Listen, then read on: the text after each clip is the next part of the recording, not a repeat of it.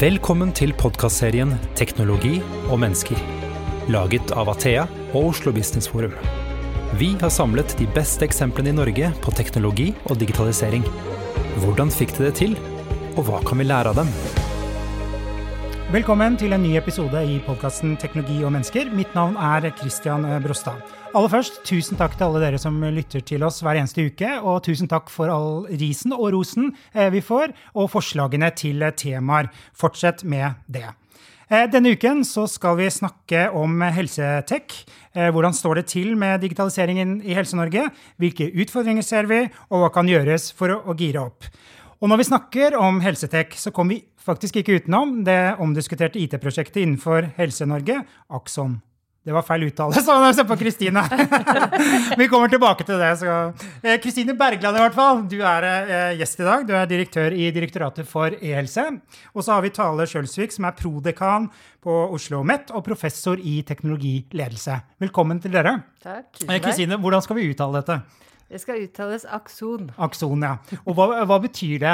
Ja, det, er, det er hentet fra en liten sånn tråd inni kroppen som binder ting sammen.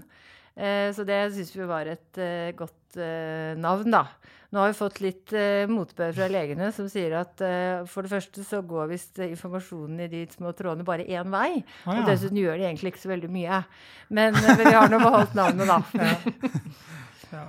Jeg klarte i hvert fall ikke å uttale det riktig, da. Så klarer du det tallet. Akson. Akson. Der har vi den. Eh, jeg tenkte vi kunne starte litt med deg, eh, Kristine. Eh, hvis du skal liksom sette ord på hvordan det står til med digitaliseringen i Helse-Norge, hvordan, hvordan, vil du beskrive det? det? Det, kan jo beskrives på flere måter. Hvis man sammenligner digitaliseringen i Helse-Norge med digitaliseringen i andre lands helsevesener, så står det veldig bra til. Og det blir bedre og bedre. Farten øker. Vi får til mye. Eh, og eh, det er blitt veldig stor politisk oppmerksomhet rundt det både i, eh, på nasjonalt nivå, altså regjering og, og storting, og også i kommunene. Men sammenligner man digitalisering i helse med andre sektorer, mm. så står det ikke så veldig bra til. I fjor kom det en rapport fra OECD som pekte på at helsesektoren i OECD-landene ligger 10-15 år etter andre sektorer. Mm. Den som ligger lengst framme, er jo eh, Bag Finans, Eh, som for det første bruker mye mer penger og har gjort det over tid, ca. 10% av sine budsjetter. Helse, spesialisthelsetjenesten i Norge bruker 4% Det er bra sammenlignet med internasjonalt, men, men, men det er liksom den trenden om at uh, mer penger, større satsinger, uh, større tro på hvilke gevinster dette kan gi, der har helsesektoren i mange år hengt etter. Men nå er det endring i mange land. Eh, og vi kommer til å få til veldig mye bra i årene framover. Hmm. Hva er din opplevelse av det tallet, liksom fra utsiden? Jeg syns, eh, det er et veldig godt bilde, egentlig. Mm. Eh, og så tror jeg det er veldig sunt å sammenligne seg med de som er langt fremme, og tørre å gjøre det, og ikke bare se til siden til samme sektor i andre land. Mm. Eh, jeg syns det var et bra bilde. Ja. Og det er fremdeles veldig silobasert, og det er jo i flere bransjer, for så vidt. da. Eh, ja, det er det. Uh, og så er det, det er, det er, jo noen ting som uh, kan unnskylde det litt òg, da. Altså helsesektoren er veldig kompleks. Og den er i veldig endring. Eh, det kommer veldig mye ny kunnskap. Eh, det er veldig mange aktører. Eh, du har privat, offentlig. Det er mange private aktører i Norge innenfor helse, alle fastleger, eller mange fastlegekontorer f.eks. Mm. Du har de store gigantene som sykehus, mange små virksomheter. Du har stat, kommunalt, og så har du da alltid en hel befolkning. Så kompleksiteten både når det gjelder selve medisinen, selve organiseringen, finansieringsmodeller, styringsstrukturer, er, eh, er en del av forklaringen, altså. Mm. Jeg hadde bare lyst til å si noe til det, fordi jeg syns jo også menneskene og jeg, Noen ganger så opplever jeg at man snakker om digitalisering, og så glemmer man menneskene. Og så tenker jeg helsesektoren er utrolig liksom, menneskebasert. Sånn at det er en sektor som må gå foran for å vise hvordan vi skal få teknologi til å samhandle godt med mennesker. Og det gjør det kanskje ekstra vanskelig og ekstra utfordrende, men samtidig tenker jeg ekstra viktig. Nå har vi vært gjennom en periode hvor vi har blitt ganske gode på digitalisering, men jeg tror veldig mange begynner å se alle de menneskelige sidene som vi er opptatt av hver dag at vi må møte hverandre. Jeg tenker akkurat Innenfor helse er det møtet mellom mennesker utrolig viktig. Mm. Uh, så det gjør det både utfordrende, men også ekstra spennende, tenker jeg. Mm. Eh, et ord som, eh, som, dukker opp når man snakker om digitalisering, jeg ser på deg, Talle, er jo dette med brukerinnsikt. Det å liksom forstå brukerne, de som skal ta i bruk disse verktøyene og systemene osv. Hva, hva tenker du om det er liksom i, Du trenger ikke å snakke om helse, for det kan jo Kristine svare på. Men tenker du at det er liksom noe som, som virksomheter som får til? Mm, jeg har lyst til å svare på det spørsmålet todelt. Først så spør du meg om spørsmålet brukerinnsikt, og der har jeg egentlig tre tanker. Det første er at brukerinnsikt er utrolig viktig, og man må jobbe med det. og Man, man ser veldig mange prosjekter som er brukerorientert og brukerstyrt, og vi bruker designtenkning for å løse dem og sånn. Samtidig så er det en annen liksom, teoritradisjon eller vi kan si forskningstradisjon som snakker veldig mye om at det brukeren gjør i dag, er ikke det brukeren kanskje gjør om to år, om fem år. Jo raskere teknologiutviklingen går, jo jo oftere kanskje kan man oppleve at faktisk det å snakke med dagens bruker gir litt feil signal på hva slags løsninger man skal utvikle om fem år. Mm. Den siste dimensjonen som jeg syns kommer mer og mer på banen er dette her med hvis du tar brukerinnsikt på alvor, står, gjør du da kompromisset med bærekraft? Brukeren kan ønske ting som ikke er så veldig bærekraftig. Så hvordan kommer det bærekraftsperspektivet inn i en sånn fullverdig brukerorientering? Jeg brukte i fjor sommer med å være på Stanford i USA, og jeg bare tenker liksom consumerismen, eller liksom det at du bare tenker konsum og bruker, det mm. er, gir ikke spesielt bærekraftige samfunn. Så den, for meg er det en sånn tredelt, um, tredelt perspektiv på det. Og så spurte du hvordan det står til med det. Og, og, og det syns jeg er vanskelig å svare på på stående fot. Jeg ser at veldig mange flere er opptatt av brukerorientering i det de gjør. Jeg vet ikke om like mange har de to siste perspektivene med er det brukeren i dag vi skal levere noe til, brukeren om to år eller fem år? Og hvor bærekraftig er det som vi gjør hvis vi tar brukerinnsikten på, på alvor? Men jeg tenker at du kommer ikke utenom. Mm. Og det, det er kanskje opplevd med mange IT-systemer tidligere, er at de begynner på feil sted. på en måte. Og jeg ser det en del også i vår sektor. At det begynner med systemet uten at du tenker hvordan det skal tas i skikkelig bruk, og hvordan brukerne er involvert i den prosessen. Og bare si en ting til, at Når jeg diskuterer med IT-direktører, f.eks., sier du nå er systemet implementert. Og så ser jeg det kanskje noen ganger litt sånn ordentlig i øynene, og så sier jeg er du helt sikker på det? Ja, mm. den tekniske løsningen er levert. Mm. Ja, Men det er ikke det samme som at systemet er implementert, for da er vi tilbake til de menneskene som skal bruke det, og den gevinstrealiseringen som vi skal få ut av systemet. Mm. Så det, ja, jeg vet ikke om det var jo, jo, et svar. langt svar på et uh, Et viktig spørsmål. Ja. ja. Eh, Kristine, hvordan jobber dere med brukerorientering? Altså, hvordan vet dere hva de dere skal lage løsninger for, eller hjelpe? Eh, hva gjør dere? Hvordan tenker dere? Altså, for det første så må man jo huske på at brukere kan jo være så mangt. Eh, det vi er opptatt av, er jo informasjonen. ikke sant? Og da kan det være ledere. Kommunale ledere, f.eks., er jo veldig opptatt av, av Akson. Eh, det kan være de som jobber i tjenesten. Det kan være og selvfølgelig pasienter, innbyggere, pårørende. Eh, og det er jo da veldig viktig å ha et veldig bredt perspektiv når man skal tenke hvordan tjenestene skal utvikle seg.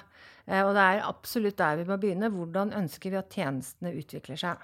Eh, hvordan ønsker vi at man kan lede og styre tjenestene på en god måte? Og så får man jo god inspirasjon da, fra muligheter som teknologien kan peke på. Men det er, vei, det er, det er i den rekkefølgen det må gå. Så vi involverer jo eh, etter mange ulike metoder. Man kan ha tjenestedesign, man kan eh, gjøre andre ting. Mm. Eh, og, og, så er det jo viktig, som du sier, Tale, at, og det er vi veldig opptatt av, det er jo at eh, digitalisering, det er egentlig eh, altså Det kan man ikke tenke på som teknisk. Teknologien er en muliggjører. Men for å ta Akson, da, så utgjør teknologiinvesteringen i Akson. Eh, jeg tror det er ca. 20 ja. Resten er omstillingskostnader. Mm. Eh, resten er tjenesteutvikling. Eh, og jeg syns EU har et veldig godt bilde på digitalisering som vi bruker mye, som er denne EIF-modellen. European Framework, Interoperability Framework. Som er at skal du digitalisere, så må du se på det juridiske du må, du må, tenke liksom hvordan lover og regler skal innrettes for å nå de målene du vil. Du er nødt til å tenke på det organisatoriske og utvikle det organisatoriske. Eh, så må du se på det semantiske. Du må ha entydige definisjoner, slik at de dataene som du ønsker deg fra systemene, faktisk er de samme i ulike deler av sektoren. Og så er det det tekniske. Eh, som en del av det. Og så må du også eh, tenke styring og finansieringsmodeller. Og vi har jo i alle de prosjektene og programmene vi holder på med, så er vi innom alle de dimensjonene eh, for å få det til. Eh, og der har jo Norge og både staten og næringsliv, men særlig staten kanskje når det gjelder alle de dimensjonene, blitt veldig mye mer moden til å forstå at gevinstene kommer først når du har vært og gjort endringer i alle de dimensjonene. Mm. Ikke bare innført eh, teknologi. Det er musikk for akademia, er det ikke det? Jeg vet ikke. Jeg vet ikke. Vi kan godt snakke om musikk også, men det er mange assosiasjoner. Det sies jo også at kunstig intelligens til og med har lagd musikk, så det er sånne ting jeg sitter og tenker på. Ja, jeg leste min første artikkel, eh, var det The Guardian, som bare var laget med, med AI. Mm. Så det, er, altså det er, mulig, da. Eh, digitaliseringsprosjekter, eh, tallet. Hva er det som ofte går feil? For det er jo mange investeringer som gjøres både i privat og offentlig sektor som går på trynet, hvis jeg kan bruke det mm. uttrykket. Mm. Må kanskje pipe det bort. eh, hva, hva er liksom, eh, hvor er det det går feil når det først går feil? Eh, nå kjenner jeg at jeg skulle sikkert eh, liksom vært veldig forskningsbasert. Og så må jeg bare si at jeg svarer nå. Det er ikke sånn at jeg har lest masse artikler om hvorfor disse, nei, hvorfor disse prosjektene går feil. Så mm. da tenker jeg at jeg um, heller har lyst til å lene meg litt på at jeg kjører et emne som heter digital transformasjon i ledelse. Så jeg har hatt mer enn 60-70-80 ledere gjennom nå, som alle kommer med sine digitaliseringsprosjekter. Så jeg baserer meg litt mer på det enn mm. uh, Og da tenker jeg at det er Det som er så, har vært veldig spennende å se med dem, er at de kommer inn med prosjekter med stor entusiasme. så får de kanskje gjennomført eller liksom de begynner å jobbe med løsningen, og så kommer de tilbake til organisasjonen, og så på en måte butter de i strukturer og insentiver og mange av de andre tingene enn akkurat teknologien. da. Mm. Uh, og så, Vi vet jo tradisjonelt at det er klart det kan gå gærent med utviklingen, det kan gå gærent med systemet, sånn, men mange ganger er det mange av de andre faktorene som, som, er like viktige, og kanskje enda viktigere. Så hva betyr det egentlig når du sier at det går feil? Uh, og da tenker jeg at det ikke bare handler om det tekniske, men det er den der gevinstrealiseringen. Hvordan skal vi få ut den verdien? Og det vil jeg bare si med en gang, og det syns jeg du også var inne på i stad. Det der med at det handler jo ikke om at vi skal få teknofisert helsevesenet eller universitetssektoren. eller sånt. Det handler om at, kan, at, det skal være verdiskapende. Mm. Hvis det ikke er verdiskapende, da skal du ikke gjøre det. Og vi har hatt en del, eh, liksom en periode hvor folk har satt i gang fordi de skal ha en sånn legitimeringseffekt om at vi gjør ditt og datt. Vi jobber med AI, vi har chatbot. sant, De tingene. Mm. Det gjøres av helt andre grunner enn at faktisk man skal få den verdien ut i andre enden. Eh, og at de går feil, det er kanskje ikke så rart, på en måte, men, men jeg mener at formålet må være du må skjønne veldig godt hva, hva, hva, skal du med teknologien. Hva er din egen verdiskaping? Hvordan kan den teknologien bidra til å gjøre det bedre? Hvis ikke det er til stede, så skal du ikke gjøre de prosjektene. Mm. Eh, og det er derfor du skrev den kommentaren også, da, som heter 'Digitalisering handler om hva som skjer i hodene'. Ja. Det, ja den bør leses, ja. Jeg vil gjerne se litt mer om det. um, kanskje litt sånn catchy tittel. Men eh, når vi snakker om digitalisering, så tenker jeg det er så nyttig å rydde litt i hva betyr egentlig digitalisering. Hva, eller, og jeg kunne snakka lenge om det, men en distinksjon som jeg kanskje er litt opptatt av da, er at Digitalisering er én ting å ta i bruk verktøy. Det er veldig sånn kortsiktig. Så har vi kanskje noe på litt lengre sikt. Du skal velge ting, du skal, du skal automatisere og sånt noe. Uh, og selvfølgelig på kort sikt, som du også snakket om, så det her med data. At du genererer data. Så det er noen ting som er rundt der. Men jeg tenker også litt på kort og lang sikt. På kort sikt så kan det handle om eh, liksom ferdigheter å få, få, tak i verktøy. Men på lengre sikt så handler det om en tenkemåte. Mm. Og det var det jeg kanskje ville adressere litt. Det der. Vi må tenke på en annen måte når vi tenker digitalisering. Nettopp dette her verdiskapingspotensialet. Hvordan skal vi få det til å fungere, fungere godt sammen med teknologi? Det handler om endring i type organisasjonsmodeller, forretningsmodeller og alle de tingene. Og det er liksom et tankesett mer enn et verktøy. Mm. Så man må komme dit, og jeg har opplevd med mange av de studentene jeg har hatt, at de må på en måte inn i det mindsettet først. Hva er dette for noe? Hva er fenomenet? Hvordan kan jeg håndtere det hos meg? Så det er liksom den, det som skjer inni hodene på folk. Mm. Vi må jo Kristine, over til det store prosjektet som du er ansvarlig for også. Eh, hva er, hva er dette prosjektet? Fordi, jeg mener, det, Leser du medieomtalen, så ble jo i hvert fall jeg litt lettere forvirret. Så nå har, nå har vi sjansen til å Så jeg får to minutter? Ja, ja, det får du. Ja. Norge var tidlig ute med å kjøpe journalsystemer i verden. Vi var blant de aller første, og alle kjøpte hvert sitt. Eh, og det var litt sånn strøm på papir. Det var eh, litt sånn gammeldags tenkning. Eh, fritekst. Og, og, vi har jo 17 000 aktører i helsesektoren også. Og alle da hvert sitt system. Så begynte vi å ønske oss å dele informasjon mellom virksomheter. Og også egentlig produsere data som man kan bruke til forskning og til ja, forskjellige ting. Eh, og da viste det seg jo at disse systemene snakker overhodet ikke sammen. Mm. Eh, og eh, det var ikke så farlig før 2014, for da var det faktisk ikke lov til å dele informasjon mellom virksomheter. Så det er også en av grunnene til at helsesektoren har ligget etter. Det er jo lovverk og manglende liksom, politisk vilje, da. Så eh, etter hvert så har jo eh, helsesektoren eh, kommet til at journal er et av de viktigste verktøyene, kanskje det viktigste verktøyet for helsepersonell.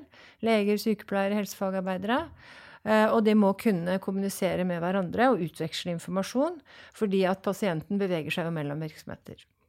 Så spesialisthelsetjenesten har jo satt i gang store, store milliardinvesteringer eh, på nivå med Akson for å få gode journalløsninger der som henger sammen. Helse Midt-Norge eh, har jo da gått sammen kommuner og spesialisthelsetjeneste og anskaffet en felles løsning. Og så var da spørsmålet hva, hva med kommuner i resten av landet? Og da eh, var det veldig unisont gjennom da konseptvalgutredning, og vi jo, må jo følge en god del sånne instrukser da, på hvordan man kommer fram til eh, riktig løsning. At kommunene mobiliser, har mobilisert over år. Vi ønsker å gå sammen. Eh, vi vil bytte ut det vi har. Eh, vi vil ha eh, felles eh, løsning. og det er egentlig det Akson handler om. Så man kan se på det som et, teknologi prosjekt. Men den organisatoriske endringen som vi står foran nå, hvor kommunene i Norge faktisk skal etablere et selskap som skal hjelpe eh, å styrke hver kommune eh, og få en, et fellesskap, et felles løft. Få solide kontrakter. Legge til rette for innovasjon og næringsutvikling med tredjepartsleverandører inn på denne plattformen som det skal være. Mm. Det er det Akson handler om. Eh, og så fra et annet hold, statsviterne, vil jo ikke se på dette som teknologiprosjekt, de vil se på det som eh, samfunnsutvikling, organisasjonsutvikling og sånn. Mm. Eh, og eh, økonomene ser jo på det som en lønnsom, nyttig ting å gå sammen og gjøre ting én gang framfor å gjøre det mange ganger. Teknologene vil se på det som et, eh, et, et, en stor teknologimulighet både i selve denne løsningen, men også for andre. Mm. Så det er bakgrunnen, og det er planene. Og nå er vi gjennom en lengre utredning i tre år. Fått kvalitetssikret det to ganger i regi av Finansdepartementet. Det har vært en modning, mobilisering både på statlig og kommunal side. Og nå venter vi på statsbudsjettet og lurer på nå om det ligger da en investeringsbeslutning og en, en, eh, en mulighet for å kunne komme i gang med eh, dette med journal. I tillegg så har Akson i seg investeringer til samhandlingsløsninger mellom Helseplattformen i Helse Midt, journalløsningen i de tre andre regionene og de, den kommunale journalløsningen Akson. Så det er, det er også lagt inn flere milliarder til det, da. Mm. Var det forståelig? Ja, det... jeg tenker, Hva tenker du, Tale? Eh, vi er jo litt utenfor akkurat den sfæren, men hva tenker du? Har det, for det, det, har jo vært kritikk fra akademia, presse, det er jo liksom teknologer, det er jo masse meninger om dette. Men er det ikke det man opplever når man driver med endring? Ja, det. så akkurat detaljene og kritikken og sånn, det, det, skal ikke, ikke spørre meg om det, om det er med rette eller ikke. Men jeg tenker uansett så vil man møte motstand når man driver med endringsprosjekter. Og så er det mange som snakker veldig mye om sånn som Et av spørsmålene som du har stilt meg, liksom digital utvikling.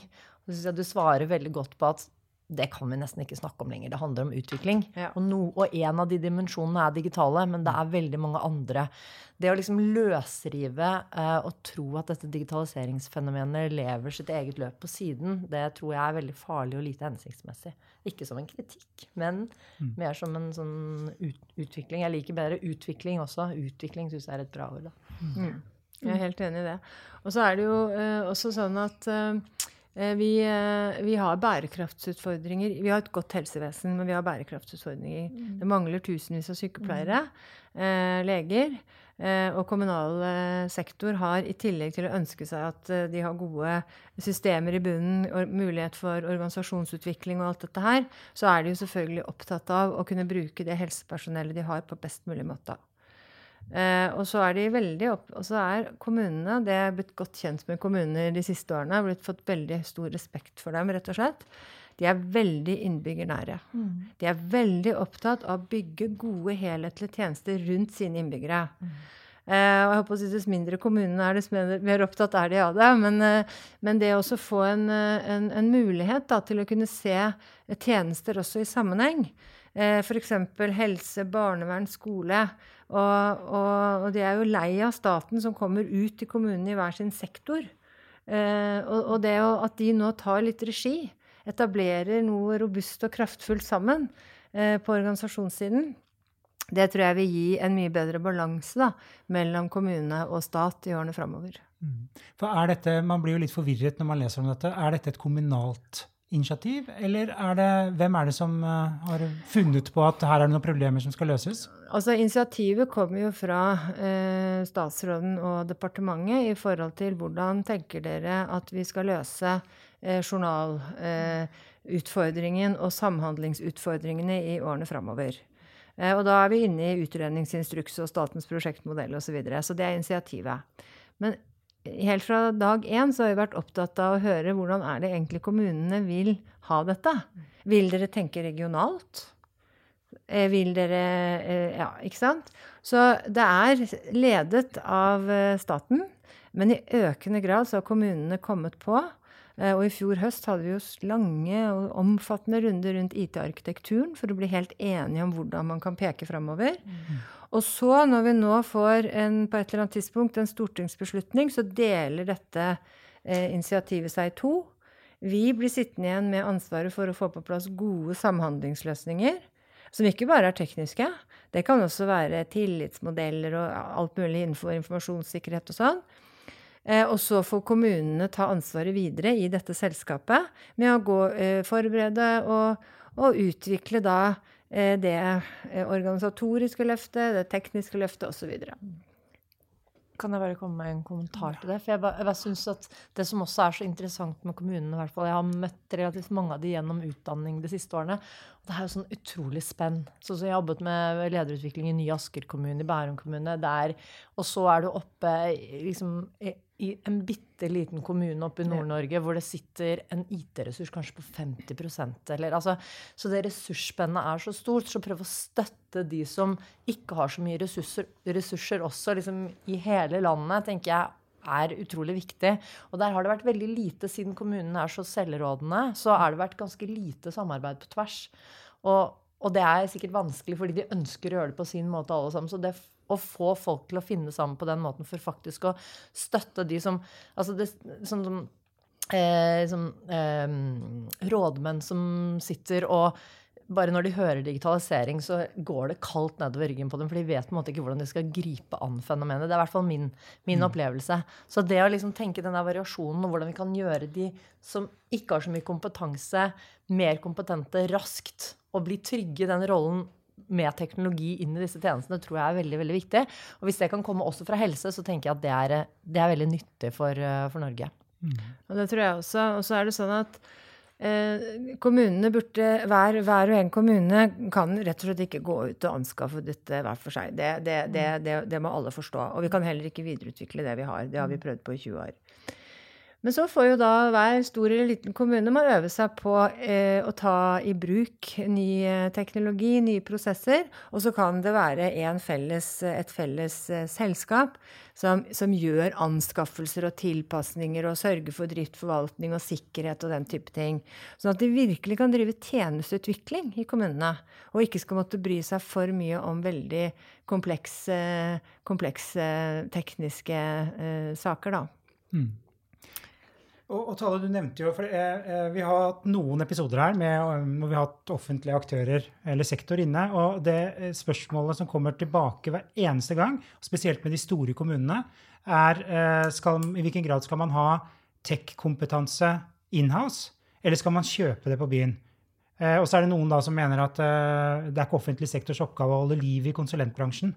Eh, og skal man gjøre gode anskaffelser, så må man ha kompetansen internt. Og det er jo en av de tingene som dere har blitt kritisert for, eh, annet. Eh, hvordan tenker dere på, på dette eh, kompetansebegrepet? Nei, ja, Det har jeg jo uh, fått sjansen til å kommentere noen ganger i løpet av sommeren også. Uh, vi tenker jo at du må ha en robust organisasjon hvis du skal være god. Og du må ha et tverrfaglighet. Og det har vi. Og innenfor den, den segmentet vi jobber, så er det tverrfagligheten er altså juridisk, samfunnsøkonomer, teknisk, med helsefag osv. Og så du må ha solide miljøer på alt det. Men du kan ikke bemanne deg opp Eh, fullt ut til alt du skal gjøre til enhver tid. Det varierer over tid, så du trenger fleksibilitet eh, og, og, mulighet for å kunne manøvrere etter hva du skal gjøre. Eh, og derfor så har vi en andel konsulenter inne hele tiden på forskjellige måter. Og på Akson så har det vært ca. en tredjedel av det kjerneteamet på 20-25 som har vært fra PwC. Eh, så har vi hatt kjerneteam resten, to tredjedeler fra interne. Flinke folk. Og så har vi hatt selvfølgelig andre miljøer i huset som har vært inne på arkitektur og alt dette her.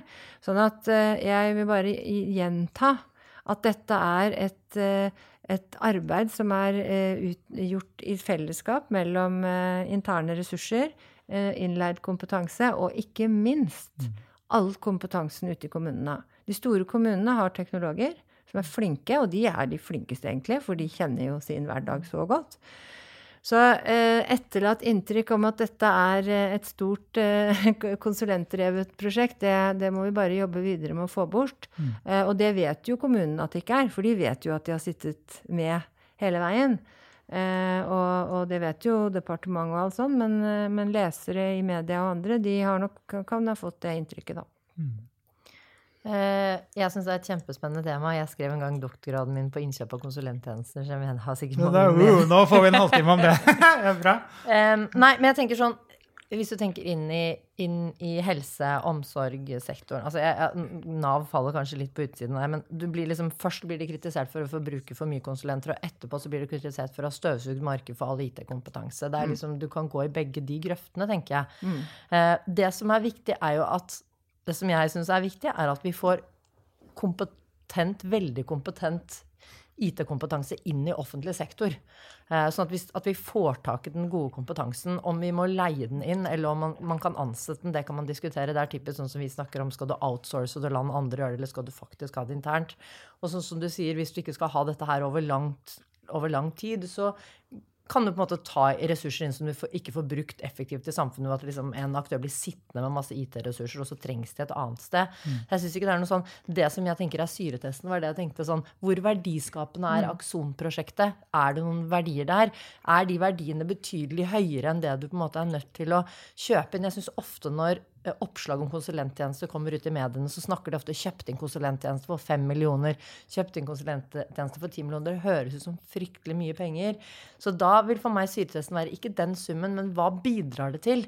Skaper de mye merverdi utover den kosten de har? Det er det vi må være opptatt av, heller enn på en måte den kostnadssummen som kommer opp eh, i disse anskaffelsesprosessene. Og jeg tror det er masse dårlig konsulentbruk, det er ikke det. Men hvis man er en god kjøper, eh, så kan man få god verdi ut av å bruke konsulenter. Mm. Ja, det er min uh, tanke. Det er, eh, det, jeg er jo helt enig i det du sier. Altså, dette handler ikke om Altså, jeg er, jeg er veldig glad du nevner dette med verdiskapning, fordi at uh, i disse debattene så blir det liksom sånn Hvor mange konsulenter bruker dere, og hva koster det? Og ikke, mens i andre faser så er det sånn Hvor mange byråkrater er dere egentlig? Hva skal vi med alle dere? Jeg må jo rapportere en gang i måneden på hvor mange byråkrater vi er. Fordi det har også vært en sånn byråkratidebatt. Men hvis man kan heller konsentrere seg om ja, har vi lykkes, da? Så langt? Har det gitt verdi med kjernejournal og Helse Norge og e-resept osv.? Eh, så er vi over i et mye riktigere spor. Og så er det sånn, det er ikke antallet heller av en annen grunn som teller, og det er at det er måten du gjør det på. Og du blir en veldig dårlig kunde av konsulenttjenester hvis ikke du har robusthet selv. Eh, så du må på en måte, det må være noe som fyller på mm. og kanskje komme med spisskompetanse. Ehm, det er det som eh, avgjør eh, hvordan eh, resultatene blir, mener jeg, da. Jeg ville bare si noe sånn at Det å sitte i førersetet tror jeg er kjempeviktig. Og så er det den der kombinasjonen mellom kontekst og teknologikompetanse. Sånn som du snakket om det å ha den der kontekstforståelsen. Kommunene vet hvordan dette fungerer. Og så må du på en måte, kan du legge på annen type kompetanse oppå det. Mm. Uh, og da er det bare om å gjøre å få en del sånne ting. Så er det om å gjøre bare å få den beste kompetansen. Vi vil ha de beste løsningene. Og noen ganger så må du kjøpe kapasitet. Noen ganger kjøper du effektivitet. Det er forskjellige ting du på en måte kjøper avhengig av hva du trenger. Og så kunne vi liksom, liksom ønske at vi kunne ansatte, sette alle fast. Men det er jo en del mm. oppgaver som ikke løses på den måten. Og så tror jeg ikke man skal underkjenne eh, verdien av at vi har ressurser som går litt på tvers, ja. og jobber som konsulent på tvers, og lærer på tvers. Og ikke bare i Norge, men faktisk på tvers rundt omkring i Europa og hele verden. Og får andre perspektiver inn til oss. Eh, det kan også være en kompetanse i seg. Er jeg er helt enig. Eh, og i tillegg så er det sånn at eh, konsulentselskapene blir jo en oppsamling av Eh, kompetanse som man kan trekke på i, si, ved behov. Eh, og som i tillegg til å kunne gi input fra forskjellige sektorer og globalt, også blir en måte å effektivisere kompetansebehovet på. Så jeg er veldig tilhenger av å kunne jobbe hardt med å få dette til på en god måte, framfor å få en eller annen sånn idé om at dette skal vi slutte med, og alle skal bli ansatt. Mm det er jo, eh, jeg tenker, Hvordan opplever eh, dere da, eh, i helse den massive kritikken som har vært knytta til konsulentbiten? da? Og så glemmer man jo helt den verdiskaping-dimensjonen. Den får jo ikke plass. Altså, er det, frustrerende? Blir du frustrert? Ja, jeg var, jeg var litt kjedelig å reise hjem fra ferie etter en uke bare. Men ja. eh, det er jo gravejournalister da, som har holdt på siden februar. Og eh, Eh, syns de har gjort funn, og vi syns ikke det. Men, men, eh, men, uansett så er vi Vi er staten, vi er direktorat. Vi, eh, vi må tåle media. Eh, vi, vi, vi, må rett og slett være rigget for det. Mm. Eh, og det kommer, det kommer, på en måte også noe godt ut av det. Vi er blitt litt mer kjent, det er blitt satt på kartet. I dag ble jeg intervjuet av Aftenposten om selve Alkson, da, mm. omsider. Mm. Eh, og da fikk jeg jo sjansen til å fortelle om det. Jeg blir sikkert litt kritisk, men det gjør ikke noe. Eh, så, eh, så, så, jeg bare tror jeg skal si at nei, jeg har ikke lyst til å bruke ordet frustrerende. og sånn. Jeg bare tenker dette er eh, rollen vi har. Og vi er nødt til å praktisere åpenhet. Vi må dele ut alle timelister og alt hvis vi blir spurt om det. Så det er det jeg sier internt òg. Dette er rett og slett eh, jobben til Akkurat som i akademia så er jobben deres å utfordre hverandres doktorgrader og finne mm. ikke sant? Det er, det, er, det, er, eh, det er, rett og slett demokratiet vårt. Mm. Eh, men vi er også en del av demokratiet. Det er ikke bare media. Eh, så vi må jo selvfølgelig sørge for at vi har gode kanaler hvor vi får opplyst om selve saken, og ikke et sidespor, egentlig, mm. som konsulentbruken har vært, da. Bare kommentar til det, for Jeg hadde jo et ønske om at mange offentlige aktører var gode til å bruke konsulenter på en verdiskapende måte. Og jeg tror det er det landskapet dere også beveger dere inn i, at det har vært saker hvor det har vært dårlig innkjøp, det har vært dårlig styrt. Man, blir, man mangler kompetansen og lar kanskje konsulentene være med å definere for mye av hva som skjer i prosjektene osv. Eh, og, altså jeg tenker at Hvis det også kan være med på en måte å utvikle kjøperkompetansen, som jeg, jeg mener har utvikla seg veldig mye i løpet av de fem til ti siste årene, men at liksom vi blir bare bedre og bedre på å få ut disse, dette potensialet som ligger i den kompetansen som er der, både internt og eksternt, i samarbeid.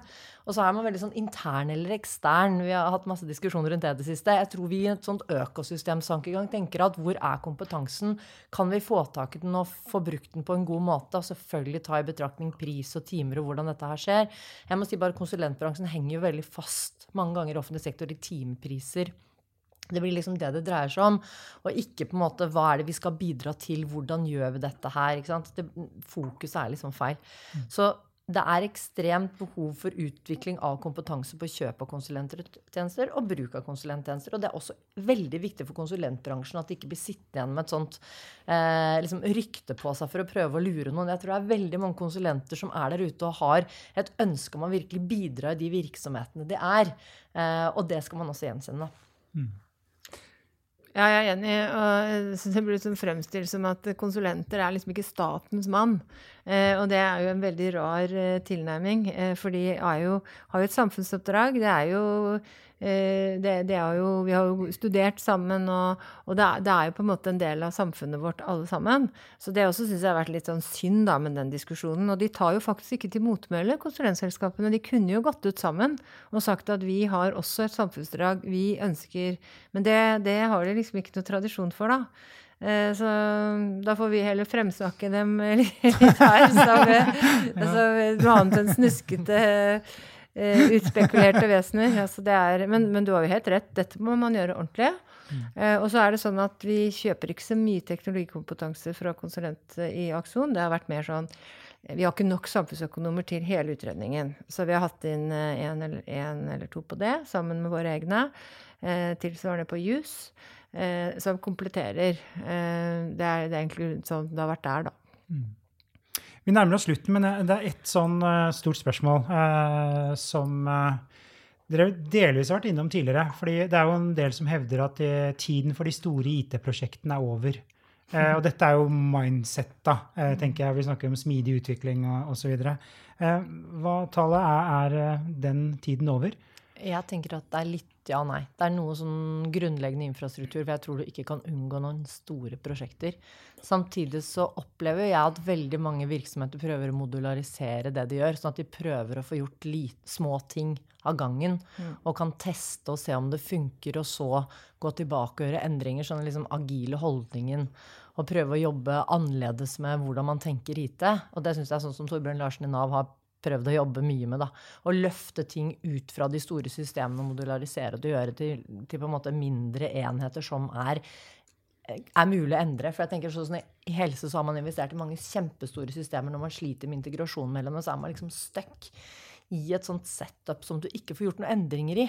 Så det å liksom komme bort fra det, det tror jeg på. Men det å ha en grunnleggende god infrastruktur, det må man ha. Mm. Uh, og da er det sånn jeg har hørt, uh, vært bl.a. På, på arrangementer og snakket med folk som nå holder sånn kobolt-programmering eller noe sånt. Nå holder den, de på å dø ut, for de programmerer systemer som er fra 60-tallet. Så, så, så, det er ingen som egentlig vet hvordan de skal håndtere systemene. Og vi har, altså I en del bransjer og en del sektorer er det fortsatt sånn.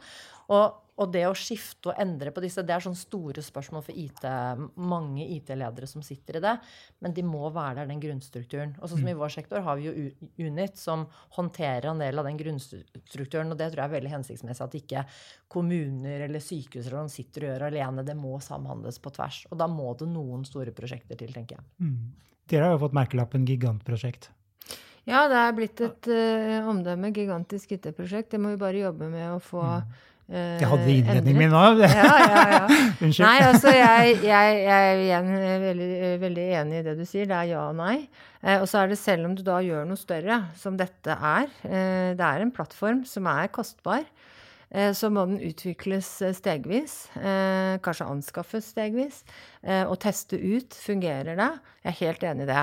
Så de andre plattformene våre så har vi jo gjort det. Helse Norge er i utgangspunktet ja, få på plass en plattform i bunnen, og så får du gradvis nye tjenester på. Og nå og så øker budsjettene, vi blir flinkere og flinkere. Sektoren finansierer, tester ut i journalinnsyn i Helse Nord. Først på 50 pasienter, så på 500. Evaluerer. Så Big Bang i nord. Så tar Vest i bruk den samme løsningen. Da har vi testet ut. Og litt av det tankesettet, det må vi også ha med oss i Akson. Eh, fordi eh, det er liksom det som er blitt god praksis, da. Så det er stoppunkter. Det er planlagt eh, veldig godt Eh, syns vi, da, til en stegvis tilnærming av en, en stor uh, ambisjon, altså. Mm. mm. Jeg tror kanskje faren ved å altså, Det er alltid en sånn fare å gjøre store prosjekter fordi de kan gå dårlig. Altså, det, det, er det et lite prosjekt som går dårlig, så er det ikke sånn. Er det et stort mm. prosjekt, så er det liksom helt krise. Um, er, og, og, på en måte å prøve å flytte det over. Men jeg tenker det som er enda viktigere, er at man faktisk Jeg har sett, vært innom en del prosjekter nå hvor jeg syns at man har tenkt altfor lite på bruken etterpå. Jeg tenker Det er en mye større fare enn at prosjektet i seg blir levert, sånn som vi snakket litt om i stad. Men ofte er dette plattformer, og det er tosidige plattformer. Og du må på en måte ha tenkt masse gjennom hvordan brukeren helt på gulvet i sine egne arbeidsoppgaver faktisk skal endre atferd for å håndtere disse systemene. Og hvis ikke man får til det, så har det egentlig ingen verdi. Så om det er et stort eller lite prosjekt, så er det allikevel verdiløst hvis ikke man får til den liksom, atferdsendringen, holdningsendringen. Og, og, Så, så investeringen der, den forsvinner ofte. Den tenker man Mm. ikke på, for den ser man ikke før det har gått tre eller fem eller ti år. Uh, og det er jo egentlig mye større problem for samfunnet kanskje enn at vi har forsinkelse i, altså, i Jeg skal ikke si implementeringen. I, i, i, å lage annen, et prosjekt eller en løsning. Da. Ja, det er, jeg er helt enig i det. Sånn at eh, ja, Hvis en, en løsning da, eller et prosjekt blir dobbelt så dyrt som du hadde planlagt, så kan det allikevel ha vært vellykket hvis gevinstene er, eh, er store. Det er bare kjedelig, eh, en kjedelig utfordring å håndtere, da. Eh, og så er det sånn, eh, bare siden vi nærmer oss slutten, altså bare minne om at helsesektoren har 17 000 aktører, og ikke minst det er 300 000 ansatte også, og betjener eh, en hel befolkning. Så hvis vi går for fellesløsninger på noen områder, så blir de uvergelig ganske store. Eh, og det må vi ha på en del områder.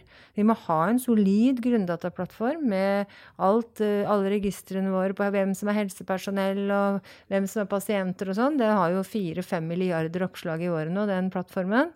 Eh, den har utviklet seg gradvis. Nå skal den få et nytt løft. Og så er det andre ting som kan være mer lokale, og så må vi gjøre mindre, eh, mindre innsatser. Så man slipper ikke unna noe stort i helse hvis man vil gjøre noe felles. Men det er måten igjen man gjør det store på. At man gjør det gradvis og, og kontrollert, da. Kjempebra, Tale Kristine. Eh, Da skal vi faktisk snoke litt i deres private digitale liv. Oh no, oh no.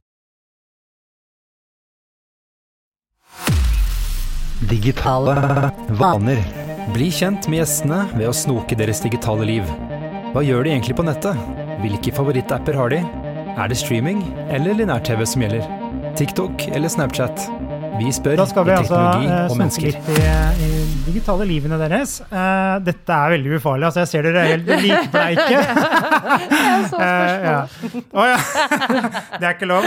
Uh, eh, dere får altså to alternativer, Mm. og så skal dere velge ett av de. Og så er det ikke lov å finne på et tredje alternativ. Så her må man velge. Er det, er det tvang, altså? Okay. Så da begynner vi kanskje med deg, Kristine. Ja. Eh, Instagram eller TikTok? Eh, Insta. Er du på TikTok? Nei. Nei. Snoker du på TikTok? Nei, nei, nei. Nei. nei, nei, Jeg er for gammel. Jeg er altfor gammel til det. Altfor gammel til det. Tale. Eh, Instagram. Ja. TikTok, det er på cutters. Ja. Eh, Neste. eh, Emoji eller tekst? Jeg må nok svare tekst. Ja. Men du spriter opp en melding med litt emoji, eller? Ja, jeg, jeg, jeg, jeg fant jo ut det for et par-tre år siden, at det må komme noen små fargeklatter her og der. Men jeg er ikke, noe, jeg er ikke den mest emoji-aktige. Det er ikke jeg, men, men det, det ligger stort sett en liten uh, gul ting uh, inni der. Ja. Og det er mange fallgruver her også på, på det. Hva med deg, Talle? Jeg er samme sted, vet du. Ja, Tekst, vet du. er tekst. Forsker, vet du. Ja, ja, ja. Kanskje Lang publisere, avhandling. publisere en artikkel med emojis hadde vært uh, kanskje gøy. Ja. Ja. Eh, Neste. Hjemmekontor eller kontoret på jobben? Kontoret på jobben. Hmm. Har dere hatt hjemmekontor under korona? Absolutt. Ja. Hatt jo hjemme i fem-seks uker, og det gikk fint, det. Ja. Men eh, jeg vil gjerne at eh, både jeg og andre eh, ikke glemmer at eh, vi jobber egentlig best sammen når vi møtes. Mm. Eh, Men det er klart eh, vi har vært veldig produktive og ser jo mange muligheter også med video og sånt som vi ikke liksom har utforsket nok tidligere, da. Vi møter jo ofte sektoren, og de flyr jo inn til Gardermoen når vi møtes der. Nå har vi hatt mye video, og vi kommer til å, ja, kommer til å utvikle oss litt videre på det, tror jeg. Mm. Hvor er din preferanse, Talle? Tror jeg går for hjemmekontor, jeg. Ja. Det er ikke det at jeg ikke liker å være på jobben, men jeg liker fleksibiliteten. Mm. Det blir spennende å se hva den nye arbeidsdagen blir etter eh, dette. Tredje siste her. Eh, ringe eller sende meldinger, Kristine? Må du tenke. ja, nei, ja, ja, altså, jeg gjør begge deler. Ringe, da. Men jeg får jo ikke lov begge deler, så jeg sier ringe. ringe. Ja. Jeg syns ringe synes ringe har blitt mye mer verdifullt Mm. gjennom korona. Før så ringte jeg nesten aldri. Nå ringer jeg hele tiden. Mm. Det er så hyggelig. Det er bra. Det Den siste. eh, Lineær-TV eller eh, streaming? Streaming. Mm. Streaming. streaming. Har dere noen favorittserier eller programmer dere ser nå? Dagsrevyen. Dagsrevyen? ja. Du ser den aldri klokken syv? Men du Jeg ser den slutta med det. Altså. Ja. Det var jo en, en periode, liksom en rytme i livet mitt. Mm. At jeg skulle rekke middag før Dagsrevyen, på en måte. Men eh, nå, nå, er, nå, nå er det streaming. eh, rett og slett. Når det passer. Modern Family. Modern Family, ja. Barna mine syns det er veldig hyggelig. Hva gjør man ikke for barna? og den siste, radio eller podkast? Radio. Er det selvfølgelig podkast vi har. Feil svar, Kristine! Nei da. Uh, har du noen favorittpodkast om dagen? Jeg pleier å høre på Tim Ferris. Den har jeg hørt Ja. på lenge. Så, og der er det så utrolig mange kule, morsomme folk som er innom. At det liker jeg veldig godt. Kjempebra. Tale og Kristine, tusen takk for at dere kunne være med, og tusen takk til deg som har lyttet på. Du har nå lyttet til Teknologi og mennesker, laget av Athea og Oslo Business Forum. Liker du podkasten, setter vi stor pris på om du gir oss noen stjerner. Og tips gjerne en venn om podkasten.